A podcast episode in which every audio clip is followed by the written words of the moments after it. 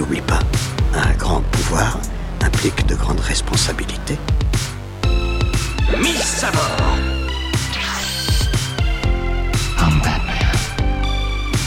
Up in the sky, it's a bird. It's a plane! It's Superman. Bonjour à tous et bienvenue dans euh, la bande des comics, euh, l'émission euh, numéro 16, une émission spéciale, les 85 ans de Superman. Alors c'est une émission un peu spéciale, nous sommes en effectif réduit puisque ponctuellement RD n'est pas avec nous. Rassurez-vous, rien de grave, mais voilà, nous allons faire cette émission tous les trois, Jay et Gilles. Euh, donc on fait on est un petit peu comme il avait dit Riri Fifi Loulou. Donc c'est exactement ça. Nous sommes en, en autonomie. Nous apprenons euh, voilà. Donc il y aura peut-être des petits ratés euh, mais voilà les enfants sont, euh, sont euh, ensemble. La grande personne n'est pas là donc euh, voilà on espère que tout va bien se passer. Et donc je, pré- je présente le cast du jour l'affiche. Euh, je commence par le professionnel, Euh, la personne sérieuse de cette équipe, puisqu'il en faut un, qui, encadre un peu ces, ces esprits fous. Gilles, comment ça va? Ça va bien et toi Oui, très bien. Gilles, notre libraire, c'est notre professionnel. Il surveille tout ce qui se passe. Et nous avons l'homme de l'ombre, euh, l'homme de la technique, notre Pat Le Gouen à nous. Euh, Dis-toi que c'est pas fatibulaire parce que tu parlais des Euh, castors juniors tout à l'heure, mais C'est ça. Non, non, c'est notre Pat Le Gouen, c'est notre homme des consoles, c'est Jérémy. Jérémy, comment ça va? Ça va bien et toi? Oui, ça va très bien. Très très content de vous retrouver pour euh, cette nouvelle émission de la bande des comics. Et on va vous donner donc le, le sommaire. Nous allons, euh, comme d'habitude, commencer par euh, les news. Chacun ira ou de ça ou de ces petites news. Ensuite, euh, comme je vous l'ai dit, c'est une émission spéciale Superman. Nous allons vous, vous proposer des coups de cœur qui ont pour thème Superman et vous verrez qu'il y a plein de choses à lire et plein de choses différentes. Nous ferons un débat animé, nous l'espérons. Superman est-il un personnage trop lisse? Ben oui, c'est la question qu'on s'est posée. Nous allons tenter d'y répondre sans se battre parce qu'on est des grandes personnes. Et nous Ça allons terminer. Et nous allons terminer par le quiz spécial Superman qui est euh, proposé par Gilou, notre professionnel. Donc euh, on va voir. J'espère que t'as pas été trop difficile dans les questions. Non, ça devrait aller. Bon, ça va, nombre de pages, qui allait, qui portait des chaussures, on, verra. Et le tout avec des, euh, des musiques également autour du thème de Superman qui, euh, qui ont été choisis par l'équipe. Messieurs, si tout le monde est prêt, top à la vachette, on y va. Breaking news. Allez, on commence donc par les news. Qui est chaud patate pour commencer? Allez, Jay. Alors Jay qui a mis son t-shirt spécial Superman. oui. Un magnifique t-shirt rouge, bravo, j'apprécie l'effort. Euh, Jay, à toi.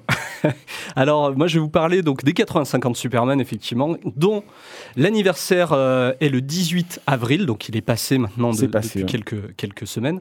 Euh, à savoir que c'est que c'est donc un personnage qui est né le 18 avril 1938, donc il fête ses 85 ans cette année. Et donc, pour l'occasion, on a eu tout un tas d'articles dans la presse spécialisée, notamment sur les sites euh, DC Planet. Et également, euh, les chaînes de télé sont mises euh, au goût du jour parce que notamment la chaîne Toonami, en fait, diffuse tout un tas de, petits films d'animation, séries, etc. autour du personnage de Superman. Le Pass Warner également, qui est disponible sur, sur Amazon Prime désormais. Là aussi, voilà, ils ont mis un peu au goût du jour avec tout un tas de choses qui, concernent l'homme d'acier. Donc voilà, c'est l'occasion de, de parler de ce personnage. Je sais qu'il y a France Inter aussi qui, a, qui est dans l'émission de Frédéric Sigrist qui a Mhm. fait un article spécial là-dessus. Voilà, et, et à côté de tout ça, le lancement de la production du film Superman Legacy de James Superman Gunn. Legacy, c'est ça. Il y en a quelques infos sur ça ou? Ah, c'est le début. hein. Normalement, ça commence à tourner en janvier 2024. Donc là, ils sont en train d'écrire le, le storyboard. Euh, voilà, James Gunn a communiqué un petit peu là-dessus, du côté de chez DC. Et, euh, et voilà, c'est quelque chose qui est lancé. Il y a un, un acteur qui est pressenti euh, plus ou moins pour le rôle. Euh, C'est pas encore officialisé, mais Ouais, il y a- y, des bruits de. On sait quel acteur serait pressenti ou pas encore? Ouais, il y, y a un acteur notamment euh, dont on a un petit peu entendu parler. Alors, c'est pas un acteur très très connu, il s'appelle David Coren Sweat et euh, bah c'est, il a vraiment une tronche de Henri Cavill jeune. hein. Euh, D'accord. si- vous avez l'occasion d'aller voir sur internet, David Coren Sweat. Moi, j'avais j'avais entendu parler de Aaron euh, Taylor euh, Johnson, John, je crois, euh, euh, c- celui qui faisait qui casse. D'accord, oui. Voilà, euh, qui a joué dans Tenet aussi, qui était un peu pressenti. euh, bon, voilà, c'est un peu le temps des rumeurs. euh, on verra bien ce que ça donne. Gilles, à toi. Euh, alors moi, ça va être une petite info dédicace avec l'association autour de la bande dessinée. Mhm. Le 17 juin, ils font une journée autour de la mer aux Sablettes. Euh, vraiment sur euh, au bord de la plage. Ah, avec- c'est bien. Ouais, c'est vraiment très Ouais. très euh, très chouette, très accessible. Du coup, avec que des auteurs qui ont fait des bandes dessinées autour de la mer, c'est avec- le thème, le thème de la, de la voilà, mer, d'accord. autant sur la navigation que sur les, Ah oui, les large. animaux. Voilà, c'est Ouais. vraiment quelque chose de assez large. Il y aura une dizaine d'auteurs. Il y aura par exemple Chanuga qui sera là. Mhm. Euh, les euh, auteurs d'une bande dessinée qui vient de sortir le 18 mai euh, sur la grotte de Cosquer à Marseille. Ah, d'accord, intéressant. ouais. Voilà, ça va être vraiment quelque chose de très très chouette et ça sera toute la journée du samedi 17 Voilà, juin. c'est qu'une seule journée. hein. Oui. Attention, ce ne sera pas deux jours. Non. D'accord. Euh, pour ma part, bien, vous savez que je suis monsieur dédicace dans cette émission. Euh, je vais essayer d'aller vite. Euh, les 3-4 juin, moi aussi, séance de dédicace et festival. Les 3 et 4 juin, c'est la sixième édition de Vidobule à Vidoban. Des fois, le nom se rapproche très bien. Il y a quasiment 40 auteurs et il y aura des auteurs bande dessinée et jeunesse. Et il y aura la présence de Olivier Lubrano, notre, notre poulain quelque part. Nous avons lancé sur la scène. Le samedi 10 juin à 15h, c'est à, à la librairie Charlemagne Toulon avec la rencontre euh, avec Anne Defréville qui a publié Mémoire d'un cétacé chez Delcourt. Il y aura une rencontre aussi évidemment avec une séance de dédicace. Et les 17 et 18 juin, c'est le troisième festival de la bande dessinée historique à Roquebrune sur Argence. Avec euh, notamment avec la présence de Jean-Claude Bauer, si, euh, c'est un, un auteur en fait qui avait couvert le procès de Klaus Barbie Ah oui. Pour, euh, pour France 2 et qui, a, qui avait sorti une, euh, espèce de roman graphique chez Urban avec euh, Frédéric Brémaud. Je salue les auteurs j'ai déjà croisés. Un, un très très bel ouvrage que j'ai lu qui fait assez froid dans le dos parce qu'il y a des témoignages, c'est. Quand même d'assez lourd, mais bon, voilà, un, un super auteur. Donc, euh, les 17 et 18, c'est donc le troisième festival de la BD historique à Roquebrune sur Argence. Où est-ce qu'on en est au niveau du timing Oh, on, a, on a encore 3 minutes. On a encore peu de 3 temps. minutes. Gilles, si t'as du rap, vas-y. Oui, Euh, moi je vais revenir euh, sur Olivier Lubrano. Oui. Euh, parce que le tome 2 devait sortir au début en avril, puis euh, là en juin, je crois que c'était le 9 ou le 10 juin. Euh, et sa BD a été encore retardée, ce n'était pas voulu.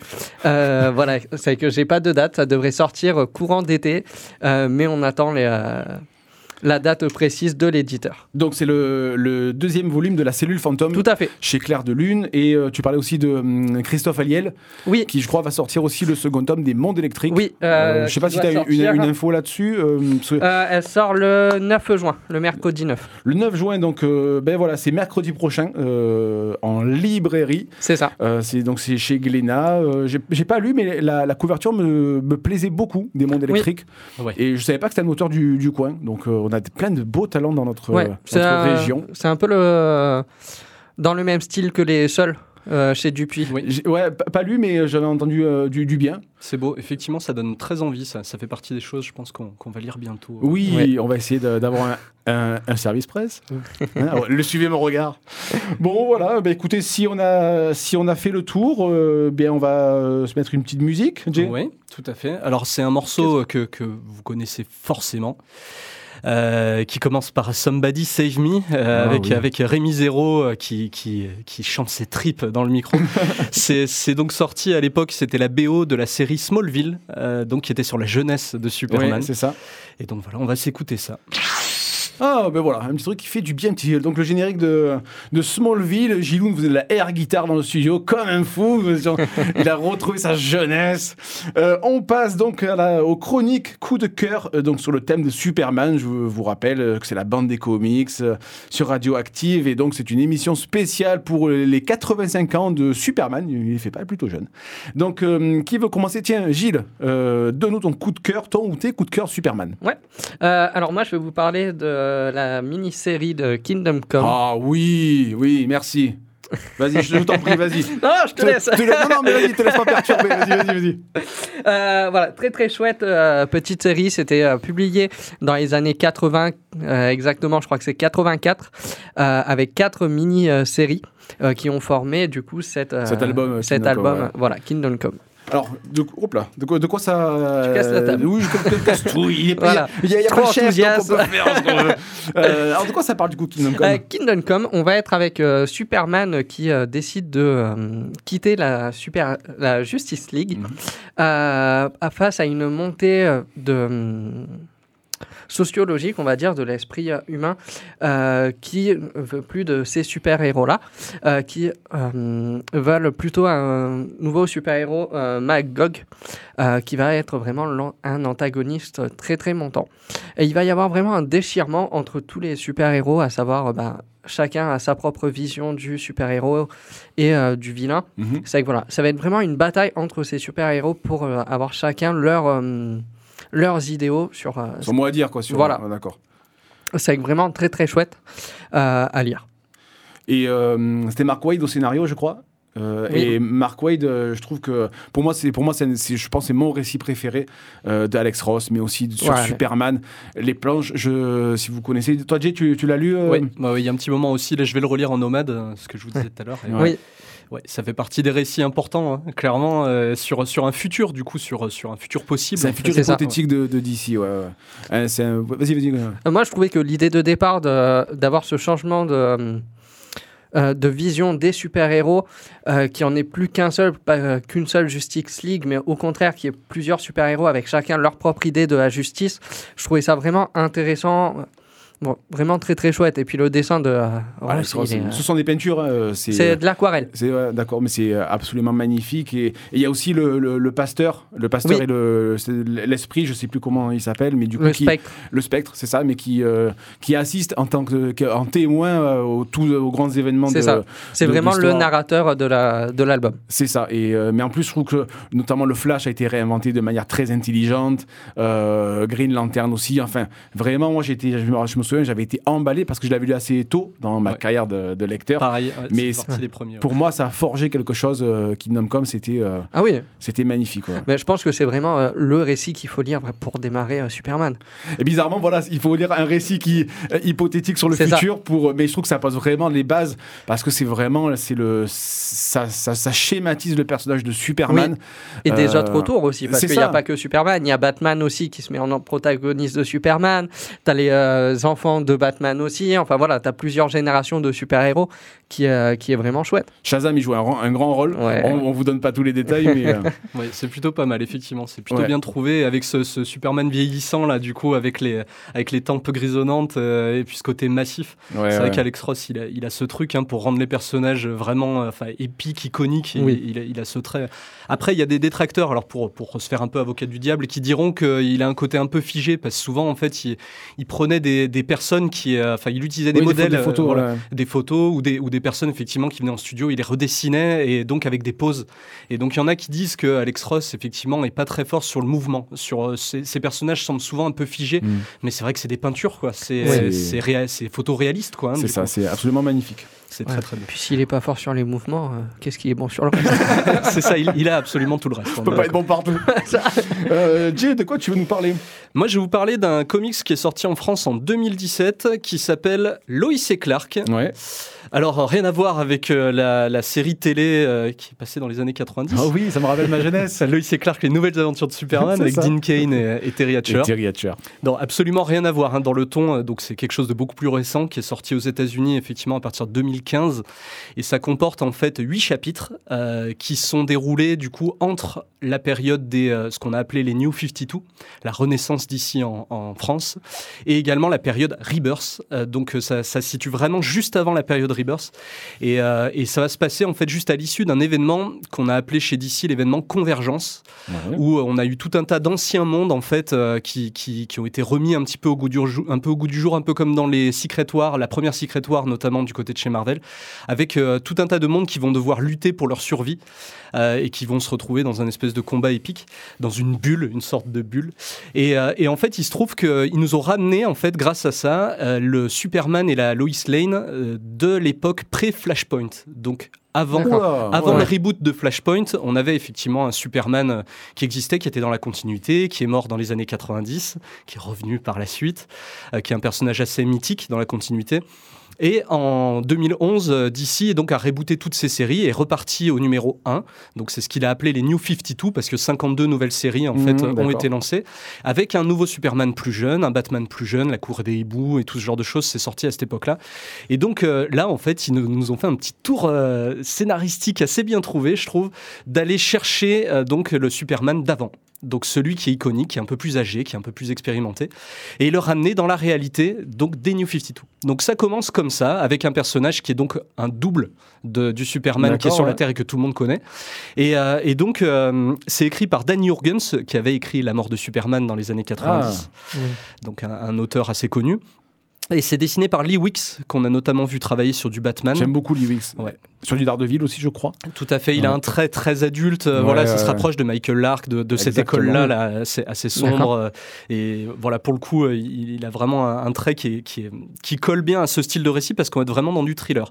C'est-à-dire que Superman et Lois, donc, qui arrivent sur cette nouvelle Terre, qui ont une certaine expérience, qui ont, qui ont tout l'historique qu'on peut connaître, donc quasiment depuis 1938. hein. Enfin, en tout cas, depuis les origines qui ont été redéfinies dans Mhm. les années 80, on va dire. Et, euh, et donc, qui vont euh, agir dans l'ombre. Autant Superman qui va donc euh, utiliser ses pouvoirs mais sans jamais se faire remarquer, sans jamais se faire voir. Ouais. Et Lois Lane qui va écrire euh, avec un prête-nom, qui va écrire des bouquins pour dénoncer euh, notamment une association maf- mafieuse qui s'appelle Intergang. Et au moment où euh, on va avoir cette, euh, nouvelle menace qui va arriver, ils vont se poser la question de, bah, de se déclarer, enfin de se montrer en fait euh, au vu de tout du monde, ouais. voilà. Est-ce que c'est le bon moment? Est-ce qu'il y a déjà un Superman? Est-ce qu'il y a besoin d'un deuxième Superman? Avec l'expérience qu'il a D'accord. J'avais pas, j'avais pas vu passer cette, euh, cette série qui était déjà parue en kiosque, je crois. Oui. Et là, donc là, c'est la version librairie. Ouais. Après, je, je suis assez mesuré sur, sur tout ce qui est monde parallèle. Je trouve que ça, ça amène trop de choses, trop d'idées, trop de personnages. Et du coup, à la sortie, je, on, on risque de se retrouver avec des intrigues. euh, Trop, trop confuses. Enfin, je, je l'avais pas lu, mais c'est- il m'intéressait. Mais euh, voilà, les, les mondes parallèles, c'est à prendre avec des pincettes, quoi. Tu vois, moi, il m'intéresse. Par rapport à voir comment le deuxième peut, euh, pourrait réagir en voyant le premier Superman, ça Donc, peut faire un joli ça, twist. ça va être tout le- toute l'histoire en fait qui va se dérouler. Alors dans, dans celui-ci, ça va poser les bases un petit peu, et ensuite on va avoir un tome. Donc c'est un récit complet, hein, celui-ci. D'accord. ouais. Il, il peut se lire euh, en tant que tel, et derrière en fait on va avoir une suite qui s'appelle Requiem, euh, et donc euh, qui va vraiment confronter les deux Superman et voir en tout cas comment ils peuvent s'entraider euh, dans, dans le monde de la Renaissance d'ici. Alors juste une chose sur ce sur ce récit, au-delà du côté thriller, donc euh, avec avec l'enquête et tout ce qui se passe dans l'ombre, on va avoir un côté que moi j'aime beaucoup très familial en fait, et notamment son, son importance dans la continuité, euh, elle se fait euh, par le biais du, de leur enfant, parce que c'est la première apparition de, de John De Kent, John, ouais. Mhm. et donc qui va arriver dans la continuité à ce moment-là, et qui est un personnage qui aujourd'hui est, est vraiment euh, au centre des histoires de chez DC. John Kent, donc euh, Son of Kal-El, Ça a été une manière d'introduire le personnage Ouais. qui maintenant a tant d'importance. ah, tout à fait, voilà, qui, qui va vraiment prendre la place de son père et dans la, dans la continuité actuelle. En tout cas, c'est un personnage vraiment super important. Et là, on va avoir vraiment l'arrivée dans ce monde-là. Et donc, ce- cette fibre familiale, c'est très très bien fait. Ils arrivent vraiment à faire des passages qui sont très touchants. D'accord. Bon, eh bien, euh, bonne lecture. Je pense que tu vas me le prêter d'ailleurs. Il y a, il y a des. Ou alors, moi, je le prends après. C'est ça. Euh, moi, j'avais envie de vous parler de Superman Identité secrète Ah, de ouais. Kurt Busiek et, euh, et de Stuart Immonen. Est-ce que vous l'avez lu ou pas ou, Non. Non. Ah, Mais j'ai la couverture est à un échange. Alors là, dans cette histoire, c'est c'est les, les histoires où la fiction, fiction rejoint la réalité. En fait, nous avons un, un petit garçon dans la réalité, donc qui s'appelle Clark Kent, que ses parents ont appelé Clark Kent, et qui subit cette, euh, à chaque fois cette, euh, cette euh, comparaison avec Superman. Et donc, il en souffre. Et en fait, quand il arrive à sa très jeune majorité, vers 17-18 ans, il va développer des super pouvoirs comme Superman et du coup il va embrasser son destin de Superman donc mais il faut on part du principe qu'on est dans la réalité et on n'est pas dans un univers de fiction et donc va se poser en fait la question ben, est-ce que je dois agir dans la vraie vie? Est-ce que je dois me dé- dévoiler en tant que Superman? Euh, il- alors, Et ce que j'aime, c'est un, récit qu'il faut mettre en parallèle avec Batman, créature de la nuit. Oui. Et voilà, ce sont des récits où, voilà, où l'univers euh, de fiction et fantasmé du personnage s'incluent un petit peu dans leur réel et j'ai trouvé mais ça d'une beauté et d'une force extraordinaire parce que vous avez pas tous les éléments de la mythologie de Superman, c'est que vous avez une certaine Lois Lane, euh, vous avez un peu quelques allusions au Daily Planet, mais pas tant que ça. Euh, Il y a à chaque fois le, le gouvernement qui, qui essaie de, de capturer ce personnage, euh, qui essaie de faire une alliance, mais il y a un peu des trahisons. Et voilà, c'est les décors sont absolument géniaux. Les personnages, tu parlais de Lee Wicks, mais je trouve qu'avec euh, de Stuart Ah, Immonen, ah oui, oui. On, on est, je pense, on est vraiment pas loin. Dans la même famille, ouais, ouais, complètement. Exactement. Et euh, voilà, c'est, je, je pense, je, je- on, on va en, parler tout à l'heure sur, euh, euh, sur le Superman. Donc, est, est-il un personnage trop lisse? Et je trouve qu'avec ce récit, on a vraiment un, récit adulte sur Superman. Je suis rarement fan des, des, des récits de Superman qui sont trop cosmiques avec des euh, Darkseid. J'accroche pas parce qu'en général, les dessins sont pas spécialement beaux dans ce qui me plaît. On arrive vite, à une surenchère de super pouvoirs qui devient euh, indigeste. Et je trouve que là, justement, euh, on, a ce- ces super pouvoirs qui sont un petit peu mesurés, qui sont euh, utilisés avec, avec parcimonie. C'est un personnage, un Superman qui vieillit. Alors sur, sur d'autres récits, Superman ne, ne vieillit pas, euh, la, la chance qu'il a c'est qu'il grossit pas. Mais voilà, on a, on a tout ça. Mais du coup, lui, lui, c'est un Superman qui évolue parce qu'il il a des, des enfants. Il en a pas, pas mais il a des enfants. Ça amène d'autres problématiques. euh, il vieillit, il est diminué. Voilà, c'est si vous ne le connaissez pas, c'est un récit qui, était, euh, qui a été euh, réédité dans la, la collection DC Black Label. Mais ce Superman Identité Secrète, c'est un, un de mes récits préférés. Euh, voilà, ne serait-ce que pour les dessins et Ouais. ne serait-ce que pour l'histoire. Je trouve que c'est une œuvre absolument magnifique. Ah, les dessins sont vraiment chouettes. Oui, oui, oui, c'est. euh, Monen, ah ouais, qu'on avait vu sur euh, Magic Order 2, Exactement. qu'on a vu sur The, enfin sur Plunge aussi, enfin ouais, et puis tout un tas de choses chez Marvel. Puis là, voilà, c'était, euh, ça avait été publié en, en deux volumes chez Semic, si je dis pas de bêtises, ou chez Panini à l'époque. Et euh, là, été réédité en, un seul volume. Moi, vraiment, euh, comme je disais à, Gilles, j'aime pas les, les, les séries, euh, les longues séries sur Superman. Je trouve que ça amène trop de choses. Et là, justement, d'avoir ce, tome unique, ce récit complet, pour moi, ça, ça recentre le personnage. Et souvent, tu, verras souvent, il y a des, des planches où Superman est replacé dans, dans, à son échelle, en fait. On a des planches de décor qui sont absolument magnifiques et et je trouve qu'il il évite l'écueil de remplacer, de, de dessiner Superman euh, très très grand, très massif. Et non, au contraire, il le fait tout petit. Parce qu'en fin de compte, on se rend compte que c'est juste un, un être humain qui est dans, dans le monde, à l'échelle du monde, qui est minuscule en fait. Et voilà, je trouve ça très très pertinent et très très bien fait. Euh, je vous propose que, voilà, comme je vous l'ai dit, euh, RD, euh, son, son esprit plane ici dans cette émission. Et euh, en, gui- en guise d'hommage, RD, c'est pour toi. En guise d'hommage, et il, il voulait parler de Superman Red Son, de Mark Millar, et de Dave Johnson et de William. euh, Plunkett, Hmm, je sais pas d'où il sort. Mais alors, je- moi je l'ai lu. Qui l'a lu autour de cette Oui. table? Non plus. Tu l'as pas lu? Non. D'accord. Donc, Jay, est-ce que tu veux nous parler de Superman Red Son? Ça fait très longtemps, mais c'est effectivement, au lieu de se cracher dans le Kansas, euh, la- la- le vaisseau de Superman, la nacelle en tout cas, qui est envoyé sur Terre par ses parents pour les sauver de la destruction de Krypton, euh, se fait euh, en Ukraine, un truc comme ça en, en URSS. En URSS, voilà, enfin en tout cas. Donc en fait, c'est un, Else- soviétique. c'est un Elseworlds. Donc ce sont des histoires parallèles de l'univers de DC. En général, c'est sur un tome unique. Euh, et donc voilà, comme tu dis, Superman ne- n'a pas, ne s'est pas craché aux États-Unis et est devenu un citoyen américain modèle, mais en, en URSS, donc avec ce régime communiste. euh, alors, on en pense qu'on en veut, mais là, vu comme c'est décrit dans le dans le comic, c'est un c'est un, un régime euh, qui tend limite vers une dictature. Et, et Superman est l'instrument de cette euh, de ce régime en place. Et, et justement, ce qui est moi ce que j'ai trouvé extraordinaire, mais après c'est Marc Millar. c'est- on se demande bien pourquoi il a choisi ce récit. Tiens. C'est bizarre. c'est étonnant. Mais euh, et je, je trouve que justement, le personnage de Superman qui devient quasiment un despote, malgré lui, parce qu'il doit, il doit embrasser son destin, mais je trouve que c'est réalisé d'une manière extraordinaire. Euh, les autres personnages, Batman qui donc est, est un- son ennemi, Une espèce de Euh, résistant, ouais. De résistant avec une chapka. Enfin, je, je trouve ça très très bien fait. Euh, Il y a, il y a, on a un Green Lantern qui, qui vient d'un espèce d'un ancien militaire. Qui, on reprend un peu le, le personnage de Al Jordan euh, avec son côté extrémiste, vraiment intégriste à fond dans, dans, le, dans le domaine militaire.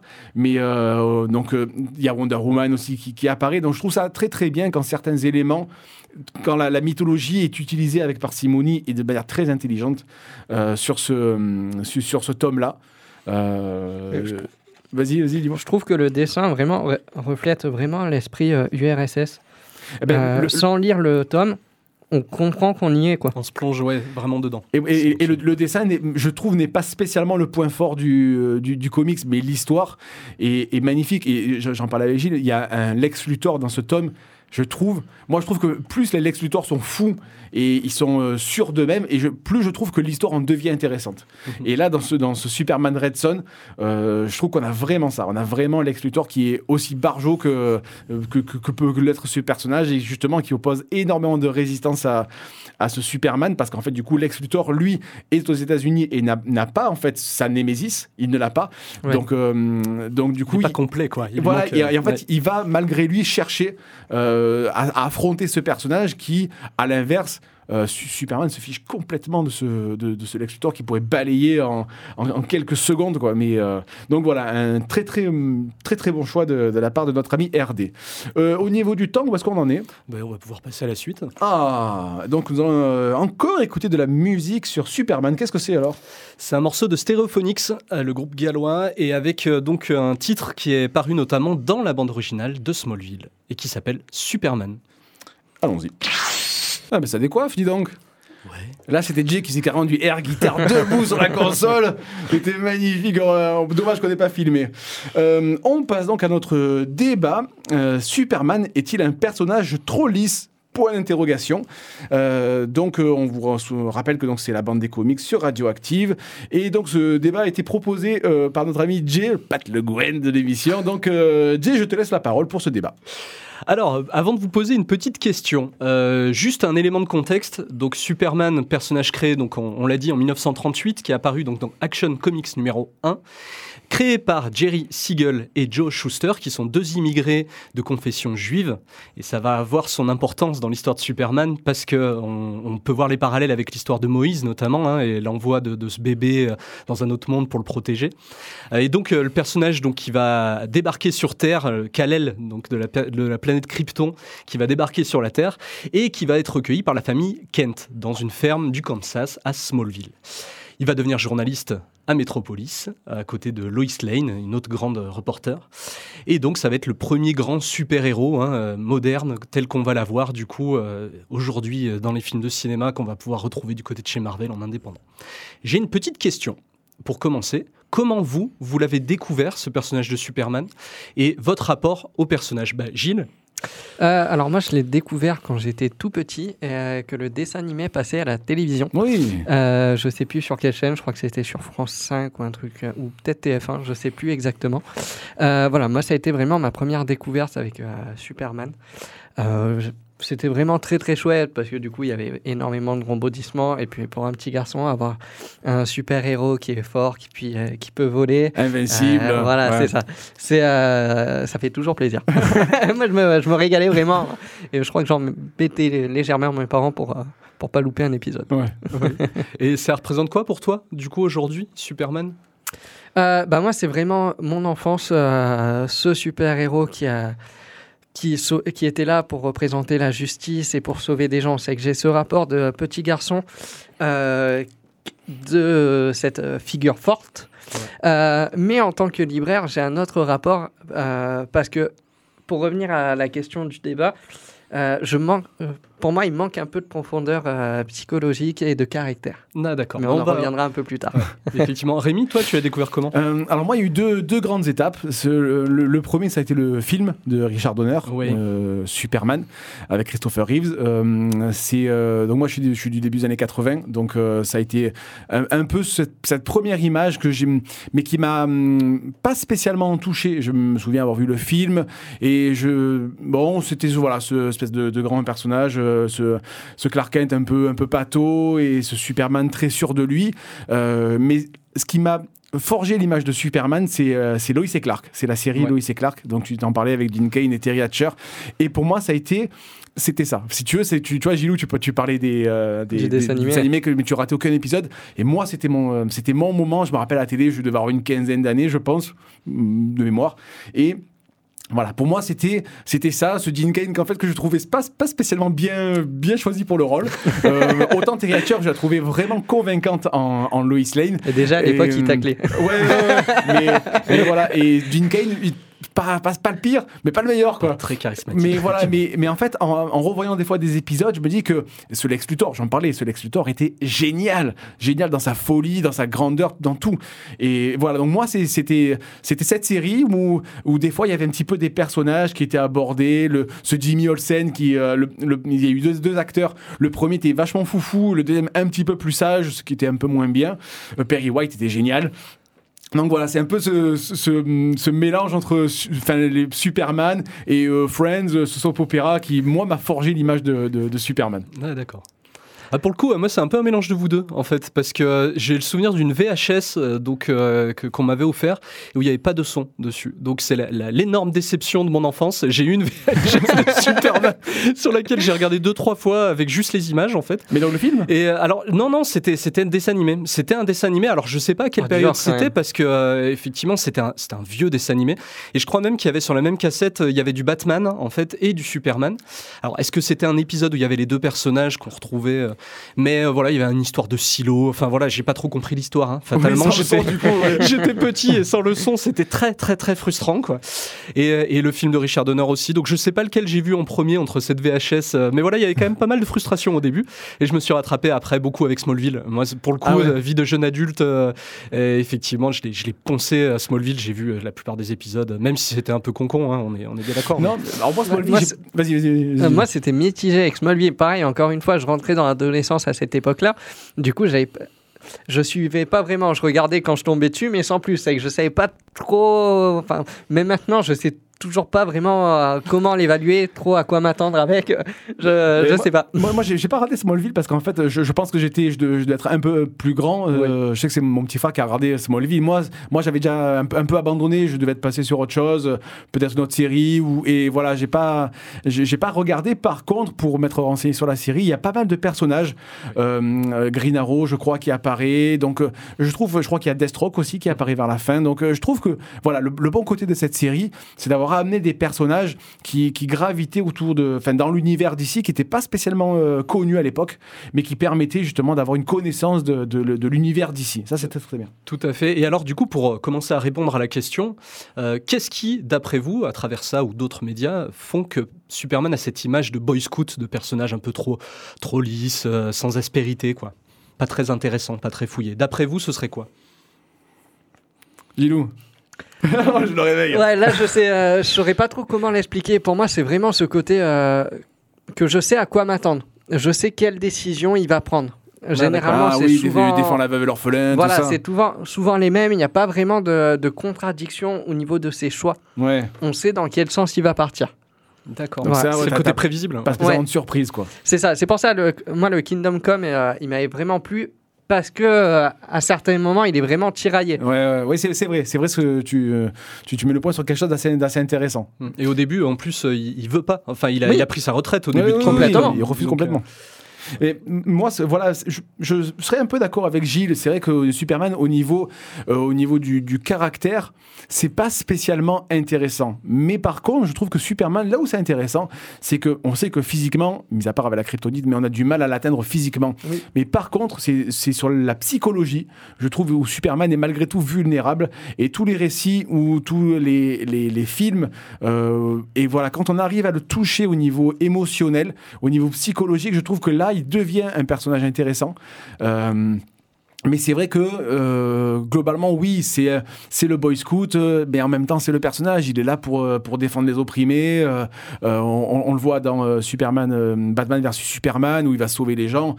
Il n'y a aucune surprise, malheureusement. Il peut pas arriver et dire non, ben, finalement, c'est pas ton jour et tu y restes, quoi. Donc, donc voilà. fait pas ça, donc, non, non, non, mais tu, tu vois, donc oui, je suis d'accord avec Gilles, mais malgré tout, je trouve qu'il y, a- il y a eu des angles d'attaque, alors peut-être beaucoup plus dans les comics que dans les films, Oui. mais voilà, où il arrive à euh, justement à faillir. Et voilà, je trouve que là, il en, il en devient un personnage intéressant. Euh, La fêlure, moi, c'est le côté humain, en fait. C'est souvent on met en avant le fait que c'est un extraterrestre qui est super puissant. L'échelle de puissance, d'ailleurs, elle est complètement cheatée, quoi, par rapport à d'autres. Souvent, c'est démesuré, en fait. Trouver une menace qui soit suffisante en face, effectivement, c'est Mm. compliqué. C'est pour ça qu'à chaque fois, il faut en mettre un, un plus et ça devient ridicule. Là, la surenchère type shonen, quoi, où il progresse, etc. Mais effectivement, le côté euh, humain et le côté où il a grandi quand même dans une ferme du Kansas, le côté un peu, euh, voilà, très, très terre à terre en fait du personnage. Et moi, c'est vraiment l'aspect qui me plaît. Maintenant, il y a beaucoup Mm. le côté père de famille, d'ailleurs, dans les, dans les comics, où c'est vraiment ça, cette, cette psychologie d'être papa. Qu'est-ce qu'on fait comme choix quand on est papa Et euh, qu'on retrouve dans pas mal de récits. Alors après, ils ont essayé aussi de le retourner complètement, comme ils l'ont fait dans Red Son. On peut le retrouver dans Injustice, par exemple, où là, ça devient carrément un despote, quoi. Mhm. Et, euh, et la, la- la- la perte de Lois Lane fait que ça devient un mec vraiment pas fréquentable. quoi. Mais Donc, tu euh, vois, je- par, par rapport à ça, je rebondis. Il y a un film qui est sorti qui s'appelle Birthright, oui, où oui. je crois qu'il est sur dispo sur Netflix, euh, où voilà, en fait, c'est c'est un Superman, mais c'est comme s'il vrillait. Et euh, ça bascule dans l'horreur, dans l'horreur, je crois. Donc, euh, D'accord. mais euh, voilà, c'est en fait, euh, on a une vision de se dire, bah tiens, si Superman a a choisi de pas être spécialement cool et du coup euh, qui peut l'arrêter? Et absolument personne Euh, au niveau scénario ils ont sorti la kryptonite pour essayer d'apporter un petit peu quelque chose mais sinon absolument rien ni personne ne peut l'arrêter et donc euh, voilà si jamais vous avez l'occasion de le voir euh, vous pouvez jeter un œil Oui, tout à fait. Et, et, euh, du coup, par rapport à son justement à son côté alors lumineux, le- l'espoir qu'il peut porter. Personnellement, en tout cas, c'est un des trucs qui m'attire chez ce personnage, c'est qu'il apporte vraiment un optimisme. Et d'ailleurs, c'est c'est lui qui a un peu inspiré le nom de Nightwing dans, dans les comics. Et on retrouve une, une filiation en fait entre ces deux personnages, ce côté très lumineux par rapport à Batman justement Ah, et Gotham qui a, ont un côté sombre qui contrebalance. Et, et personnellement, j'ai l'impression en tout cas que c'est le genre de choses dont la société actuelle a besoin en fait, ce, ce côté euh, justement d'apporter de l'optimisme et d'apporter autre chose que du sombre parce que comme le disait RD sur une émission il y a quelques temps de ça, il disait moi dans la vie il y a assez de trucs euh, dark et, et euh, ma, ma vie elle est assez pourrie comme ça pour, pour quand je vais lire j'ai envie aussi des, des fois de voir quelque chose de lumineux, de porteur avec un message. C'était le cas de Doomsday Clock par exemple qui a été un peu décrié, qui a pas trop été apprécié pour l'aspect suite de Watchmen entre guillemets. Lequel je te euh, je valide complètement Et euh, moi, après, pour le coup, euh, c'est pas cet aspect-là qui m'intéresse dans, dans ce récit de Geoff Jones. C'est vraiment, pour moi, c'est un récit de Superman, en fait. C'est qu'est-ce qu'on fait dans les choix pour que Superman, en fait, soit toujours la, la figure de proue des comics et ce soit celui qui va mener vers l'avant, en fait. Moi, c'est vraiment cet aspect-là, en tout cas, qui m'a parlé. Après, ben, même dans la Justice League, on voit que c'est un peu le, c'est un peu le patron, quoi. Euh, Oui. Wonder Woman euh, arrive à suivre. Le- les autres sont, sont un peu des, euh, des sidekicks. C'est un Mhm. peu des gars sur le côté. Euh, Flash, on va dire qu'il si on, on le cadre pas, il fait tout et n'importe quoi. Green Lantern, à chaque fois, il dit avec la volonté, mais à chaque fois, il se fait balayer. Bon, voilà. Mais c'est vrai qu'au niveau euh, physique et super pouvoir, Superman, il en impose. Et Mm. je pense que si, tu vois, tu reviens, je reviens sur Kingdom Come, si on, on ne l'affaiblit pas avec euh, quelque chose de un, un- un trait psychologique là justement dans Kingdom Come. Euh, du coup euh, justement le personnage fa- faillit et je Oui. trouve que là il en devient intéressant parce qu'il montre un côté humain justement qui est, qui est intéressant à lire Après, je pense que cette, euh, cette vision forte, euh, les, euh, les créateurs l'ont vraiment voulu. Tu disais que c'était vraiment. euh, on pouvait s'apparenter à la Bible, à la référence un peu religieuse de, Mhm. ce, de ce personnage qui est vraiment très très fort et qui est là pour la justice. Mais je pense que les auteurs l'ont voulu comme ça, à Tout la base. Bah, c'est ouais, une allégorie, quoi. Ouais. Et, et de l'immigration aussi. Parce Oui. que c'est le premier grand immigré, du coup, dans, dans ces histoires illégal sans papier Rentrez chez vous, monsieur. oui Et alors, moi, il y a aussi un aspect que je voulais évoquer avec vous, c'était le côté progressiste du personnage, parce que souvent, il y a ce côté un peu monolithique Ouais, euh, auquel ouais. on peut penser comme ça. C'est vrai que John Kent, pour le coup, donc le, le fils de, de Clark Kent, de Kal-El, euh, John Kent, donc, euh, qui est aujourd'hui le Superman titulaire en quelque sorte, même si son père, voilà, il, il part, il revient. Enfin, pour l'instant, il y a pas mal d'histoires qui tournent autour. Il y a eu notamment toute une polémique par rapport à son coming out et sa bisexualité. Oui. Il y a quelques temps de ça, ouais, Superman est bisexuel, on a entendu parler. Pour moi, c'est vraiment cet aspect euh, bah, de, de- de- pousser les limites, en fait, de pousser la frontière. Finalement, c'est un personnage qui peut faire bouger la société par ces positions-là. Qu'est-ce que vous en pensez, vous? Alors moi ça me fait ni chaud ni froid Je t'explique. hein. C'est, je trouve, euh, euh, je trouve que ça n'apporte. Alors, j'ai, pas lu, euh, voilà, mais de, de ce que j'en perçois, ça ne me fait absolument rien. Je trouve ça un peu dramatique de, de réduire un personnage à sa sexualité. C'est pas pour ça qu'il va agir différemment. Je trouve que c'est une espèce de faux problème et d'effet d'annonce un peu minable pour dire, pour réduire le personnage ou pour dire ça va amener quelque chose de différent. Non, pas plus, pas, pas plus, pas Alors, moins en fin de Pas compte. nécessairement dans l'histoire, mais dans le, dans le fait qu'on qu'on représente en fait une, une frange de la société qui ne l'était pas. En fait, avant, c'était vraiment bah, Alors, le, le je- mec, c'est le père de famille euh, lambda. Je euh, t'arrête tout de suite. ouais. Je t'arrête tout de suite. Il y a une icône homosexuelle femme que personne, et je dis bien absolument personne n'a utilisé, c'est Wonder Woman. ça, il faut arrêter avec ça. Dire John Kent, c'est très très bien. C'est qu'on Oui, a mais elle, elle est pas homosexuelle pour le coup. Attends, on a une femme qui a vécu sur une île 3000 ans entourée de femmes. Qu'est-ce que tu crois qu'elle a fait?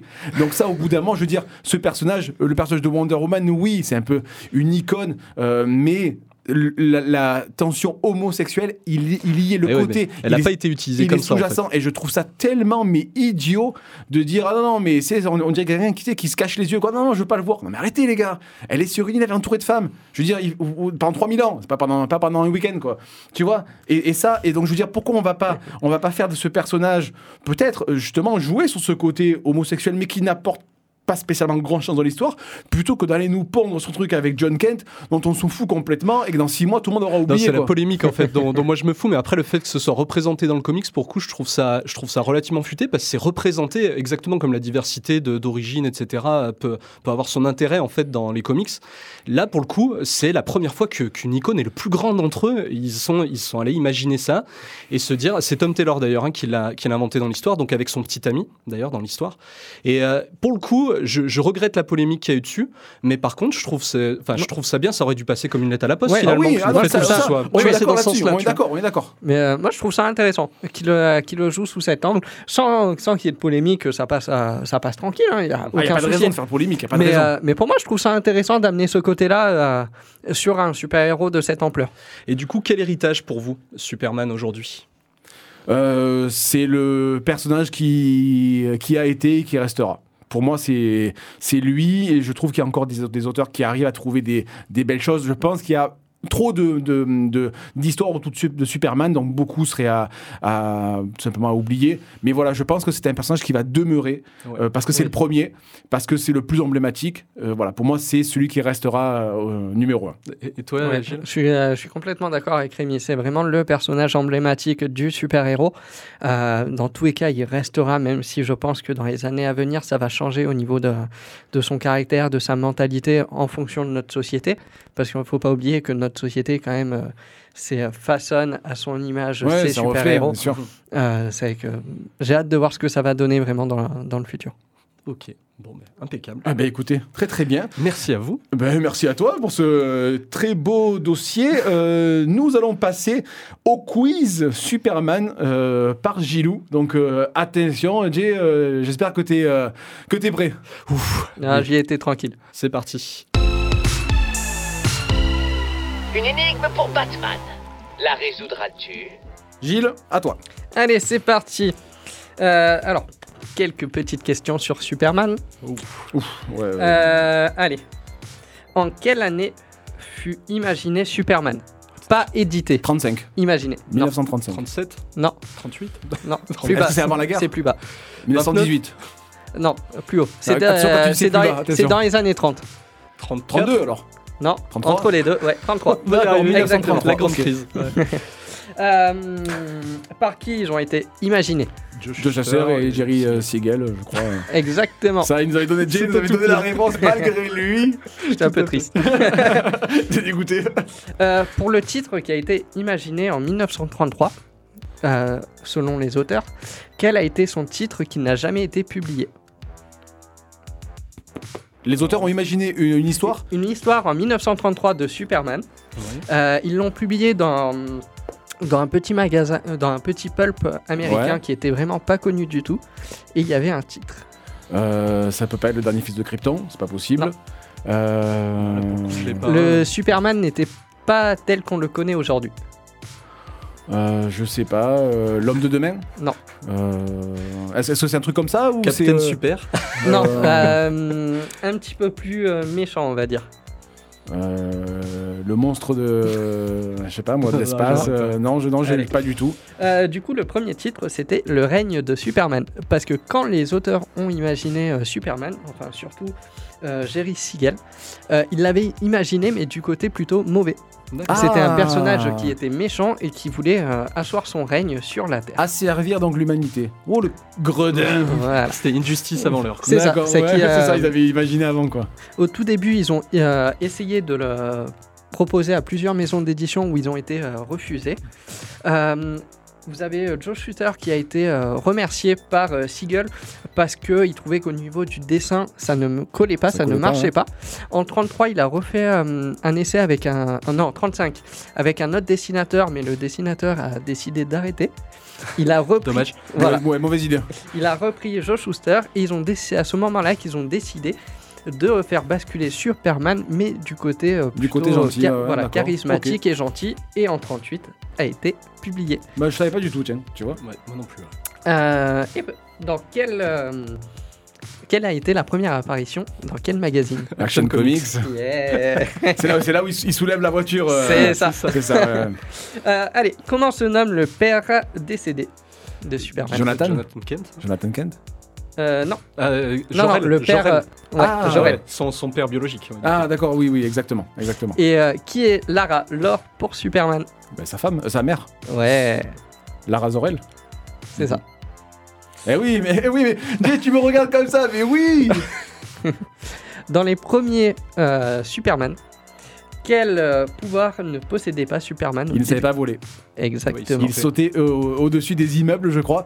C'était Oui. son maximum, mais du coup. euh, ne pouvait pas voler. Voilà, mais c'est Exactement. après, vous en, je sais pas quand, mais je sais après, après vous en rajouté le Euh, fait qu'il. euh, te pouvait dire. voler. euh, je, je sais pas, je sais pas qu'est-ce qui a fait que ils l'ont fait voler, mais j'avais entendu dire que oui, au début, il, Il faisait des gros bons. il pouvait Ouais. sauter au-dessus des immeubles et ben, ce qui à l'époque devait déjà sembler euh, euh, Assez fou. fantastique, ouais, assez fou.